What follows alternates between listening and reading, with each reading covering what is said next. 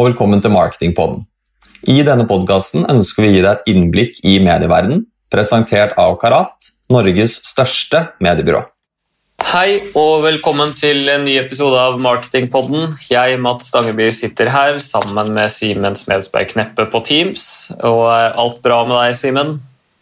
Alt går veldig bra. Nå har jeg flytta meg eh, bort fra kontorstolen og til eh, lenestolen, fordi jeg sliter litt med å få sol rett inn her. Så det er vel et av måte, mange problemer med å sitte måte, hjemme, eh, spesielt nå som sola er lav. Men typ, bortsett fra det så går det veldig bra. Og med deg, Mats? Ja, Det er fint. Det er godt å høre at du har satt deg godt til rette. Det går veldig fint med meg også. Det er jo...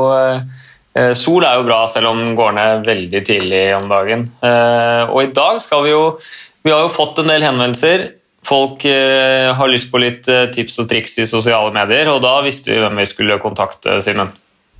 Det gjorde vi. Eh, vi har jo ekstremt mange flinke folk hos oss som kan ekstremt mye om det her. Men den vi har valgt å snakke med, er ingen ringere enn Suad. Velkommen til deg. Hallo, hallo. Takk, takk. Du kan jo få til å introdusere deg selv til de som eventuelt ikke vet hvem du er? Ja, sola skinner gjennom vinduet her hos meg òg. Men eh, ja, jeg har jo da vært i Denso rundt uh, tre år. Jeg jobbet tidligere i Isobar med sosiale medier og innholdsproduksjon. Men uh, i dag jobber jeg i Eiprospekt med betalt annonsering. Og jeg er da teamleder for paid social-avdelingen. Strålende. Da har vi et godt utgangspunkt for denne praten om sosiale medier. og da tenker jeg at uh, vi går rett i det mange kanskje lurer litt på, uh, med sosiale medier og hvordan det har endra seg i 2020 under denne koronakrisen. Har du noe informasjon om det? Mm. Ja, altså korona har jo endret uh, våre digitale vaner, og det har skjedd mange endringer på kort tid. Og det var jo forventet at vi skulle se en kraftig oppgang når det kom til bruk av sosiale medier.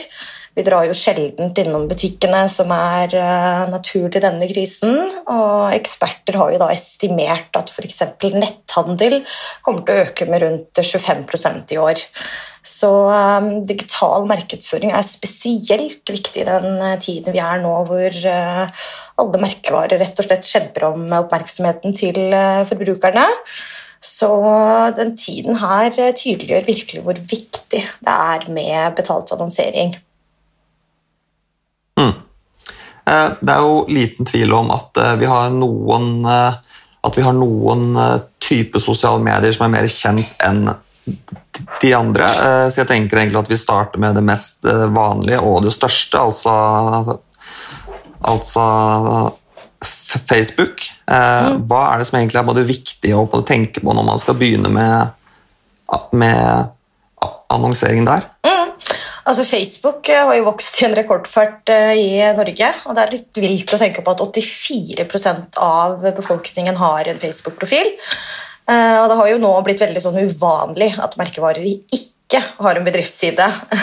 Så man kan jo nå, potensielt nå kunder, veldig mange kunder på relativt kort tid. Og det er jo så mange optimaliseringsmuligheter å velge mellom på plattformen. Ulempen er jo selvfølgelig at konkurransen er beinhard. Eh, bare tenk på den enorme mengden av informasjon som oppdateres på Facebook eh, hver eneste dag. Eh, altså Vår Facebook-representant hadde litt sånn fun fact sist jeg prata med hun.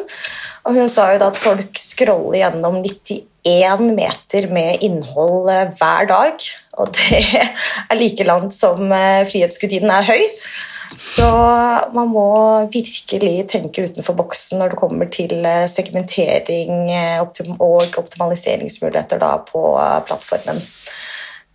Så jeg vil egentlig si at de viktigste fordelene på Facebook er jo datagrunnlaget de har, som muliggjør at vi kan segmentere såpass spesifikt. da. Mm. Og det med data er jo interessant, Suad, men det er jo også Eh, dette med, det går jo litt hånd i hånd med dette med personvern. og Facebook har jo vært i hardt vær den siste tiden eh, med tanke på dette med personvern og, og, hvordan de stiller seg til det. Hvordan tror du utviklingen kommer til å være der fremover, og hvordan tror du det vil påvirke annonsørene og annonsørmulighetene på Facebook? Mm, og det er så spennende. Altså, Facebook kommer faktisk med en ny funksjon fra neste år som da tillater brukere å skru av datasporing som utenfor Facebook. Eh, sånn at man da ikke etterlater seg digitale spor.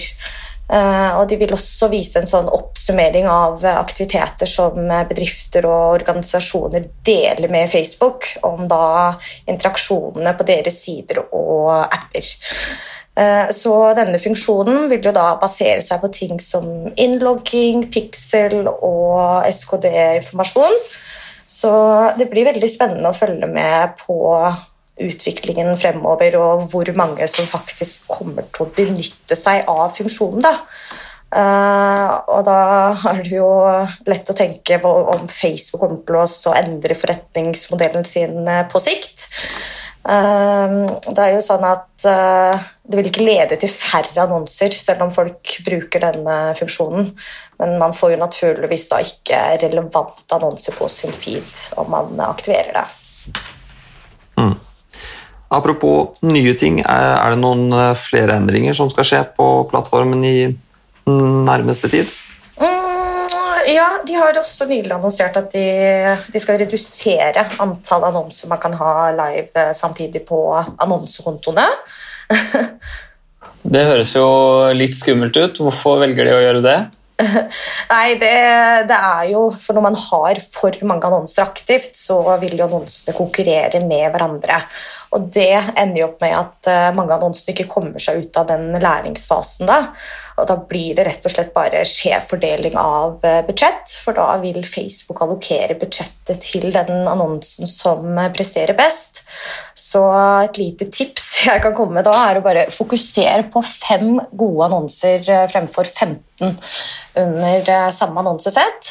Det vil spare deg for tid, og man vil mest sannsynlig se at resultatene også blir bedre. Så Facebook gjør jo ikke det her for å straffe oss, men det er jo for å bedre performance-resultatene. Eh, for de ser jo da at CPA-en ofte er høyere jo flere annonser man kjører, og det er jo da prisen per eh, konvertering. Eh, så man kan jo sammenligne det litt med når Facebook kom med at man kan ha maks 20 tekst på bilder, som de forresten har gått bort ifra gjennom nylig. Og så har de også hatt sånn at man kan bare ha 134 tegn på selve postteksten før den ser mer-knappen dukker opp. da. Og det, da har jo selvfølgelig Facebook analyser og data på at eh, vi prosesserer bilder raskere enn tekst. Eh, så alle disse små endringene Facebook eh, implementerer, kan ofte være et sånt irritasjonsmoment for oss annonsører, som gjerne vil holde på som vi alltid har gjort med kreativer og det som er. Men disse tiltakene er jo egentlig i grunnen veldig positive, vil jeg si. Mm. I bunn og grunn så er det jo veldig mange ulike si, ulike typer formater man kan uh, velge her. Uh, hvilke, eller hvordan er det man skal vite hvilke format som er riktig for sin type annonsering? Mm. Ja, jeg skulle gjerne gitt deg fasitsvar eh, på det, men uh, om det står mellom video og en lenkeannonse med bilde, så ville jeg alltid anbefalt en video. Video fanger oppmerksomheten bedre, og det gir deg også muligheten til å retarget de som da f.eks. har sett noen sekunder av videoen din. For da kan du treffe de som faktisk er interessert i produktet eller tjenesten din. Eh, så når du kommer til formater, så bør du først og fremst tenke på målet med kampanjen, for da vet du mest sannsynlig hva du vil optimalisere på. Og ut ifra det så er det logisk å tenke at karusell kan du bruke hvis du skal forklare en prosess eller eh, fremme flere produkter eller USP-er. Um, og hvis du vil da at brukeren skal klikke seg videre inn på nettsiden, så fungerer også Collection Ads uh, veldig bra med tanke på at du kan fremme flere produkter der ved hjelp av en produktkatalog. Og fordelen med Collection Ad er jo da at du kan ha en video med i budskapet først og ha produktene under. Det har vel de fleste nå lagt merke til i feeden sin. Um, Video uh, det er ikke akkurat et nytt format, men uh, egentlig ganske genialt å bruke det for å øke engasjement blant uh, målgruppen. For der kan du jo ha to ulike URL-er, og du får muligheten til det i én og samme annonse. Og du fører da også brukeren direkte til landingssiden når de da stemmer på et alternativ. Så jeg har alltid sagt at video polls og retargeting går litt sånn hånd i hånd. Ja, ja, det er eh, mange muligheter. Så det, det viktigste, som hvis jeg skulle oppsummere dette med Facebook, så er det vel å være bevisst på hva man faktisk vil, og tilpasse formatet til det. og Da har man jo en veldig fin oppskrift eh, som jeg har fått av deg nå, Suad. Jeg tenker Vi prøver å bevege oss litt over i et annet sosialt medie som eh, er relativt nytt, men som har blitt veldig populært å bruke det også og det er Snapchat. Mm. Hva er viktig å tenke på når man annonserer på Snapchat? Jo, Snapchat, altså Snapchat er litt mer lekent og en kreativ kanal. Man trenger nødvendigvis ikke være så formell der eh, når man annonserer. Eh, så det er veldig viktig også å tenke på formatene man kan bruke på Snapchat, og at man da produserer innhold som er i litt Snapchat-stil. For eh, det som fungerer bra på Facebook, vil ikke nødvendigvis prestere like bra på Snap, da, vil jeg si. Mm. Eh, er det noen store nyheter her? Altså, vi er jo allerede godt kjent med både filtre og linser og Snap-ads og commercial ads, men er det noe mm. nytt som er på gang her? Mm. Eh, jo, de har faktisk nå åpnet muligheten for eh, dynamisk eh, annonsering. Og vi er allerede i gang med det for noen kunder nå. Eh, så på lik linje som Facebook kan man da designe en mal på hvordan du skal fremme produktene ved å bruke en collection ad, f.eks. Ja, så de vokser til, de òg, altså, og finner nye muligheter. Mm. Eh, apropos lekende plattformer, eh, så er det jo ikke så lenge siden TikTok åpnet for annonsering i Norge. Det er jo noe veldig mange lurer på. Hvordan annonserer vi der, og hvilke optimaliseringsmuligheter er det på TikTok per i dag? Mm. Ja, Isobar var jo faktisk eh, en av de første i Norge som fikk testet eh, annonseringsmulighetene på TikTok. Eh, og man har jo en del optimaliseringsmuligheter nå å velge mellom der. Det er ganske like parametere som de fleste plattformer. Men det er jo selvfølgelig noen begrensninger. Man kan f.eks. bruke brand takeover og top view-formatet. og Da får man opp annonsen så fort brukeren åpner appen. Eh, og så har de også noen formater som eh, fokuserer mer på engasjement, da, som er eh, i stil med plattformen. Mm.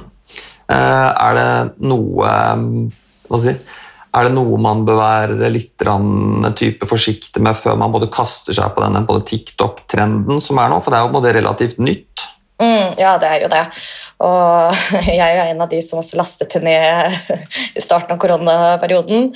Men det som er viktig å tenke på for annonsører, det er å rett og slett tilpasse formatet. Og på TikTok så bør det være enda mer lekent enn på Snapchat f.eks. Eh, TikTok-bruken har jo nok økt nå under korona, eh, men et lite tips er eh, da vil jeg si at Eh, ikke vær på TikTok kun for å være på TikTok. Så Lik linje med andre plattformer, så lag en eh, strategi og vær relevant når det kommer til eh, trender, f.eks. Ja, Veldig fint, Suad. Nå har vi vært gjennom Facebook, Snapchat og, og TikTok. Jeg mhm. kaster et sosialt medie til på deg, Suad, og håper du kan svare. Pinterest også relativt nytt. Kan du si noe om eh, fordelene med den plattformen? Pinterest ja, eh, de startet med annonseringen i Norge rundt oktober i fjor. Eh, og Fordelen med Pinterest vil jeg si, er jo at du kan treffe brukere som aktivt søker etter produktet ditt. Og da kan man jo segmentere på nøkkelord og det folk faktisk søker etter.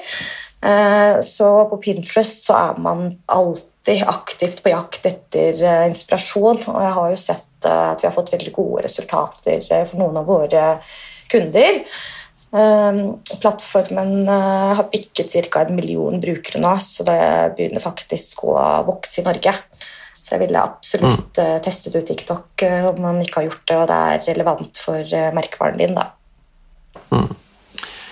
Det er ingen tvil om at det er ekstremt mange ulike jeg si, på ulike sosiale medier man kan være til stede på. Eh, Vi har jo ikke snakket om bl.a. Twitter, LinkedIn og Jodel, Mats, men det har vi kanskje ikke tid til heller. Nei, jeg tror eh, det var eh, Jeg tror vi må rett og slett ta en ny episode og gå gjennom Hvis vi skal gå gjennom absolutt alle, men det hadde jo vært fint å få en kort oppsummering avslutningsvis om hva som er viktig, hvis du kan trekke en linje med på betalt annonsering. Da, Suad.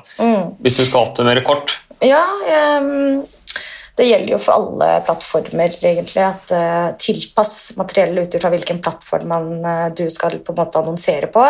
Man må ikke være synlig på alle plattformer om du ikke setter en strategi i forkant.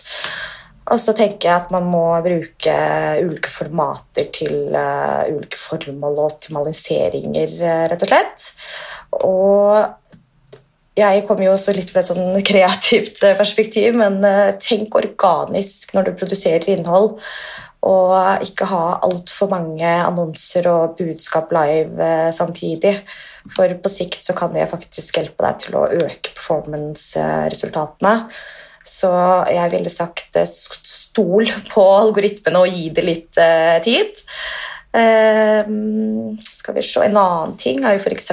Uh, AB-testing. og det, Da tenker jeg ikke bare på materiell, men man kan jo AB-teste ulike kvarteringspunkter, annonsesett og uh, ulike optimaliseringsmuligheter på alle plattformer. Eh, og så bør man skalere budsjettet riktig og måle resultatene på de kopiene du har satt. Um, og til slutt er det det her uh, gjentar jeg om og om igjen til kunder, men at det er veldig viktig å installere en piksel for å bruke dataen uh, for alt det er verdt. Og det hjelper jo oss å optimalisere kampanjene bedre. Uh, så bør man jo også selvfølgelig huske på at ting er litt sånn GDPR-vennlig når man skal benytte CRM-lister, f.eks. Så bra. Da tror jeg vi sier tusen takk eh, for nå. Mm. Og tusen hjertelig takk for at du kunne stille opp, Suad. Veldig, veldig bra. Bare hyggelig. Det var uh, fint å få prata litt med dere. Så bra. Yes. Ok. Ha det bra. Ha det bra. Ha det fint.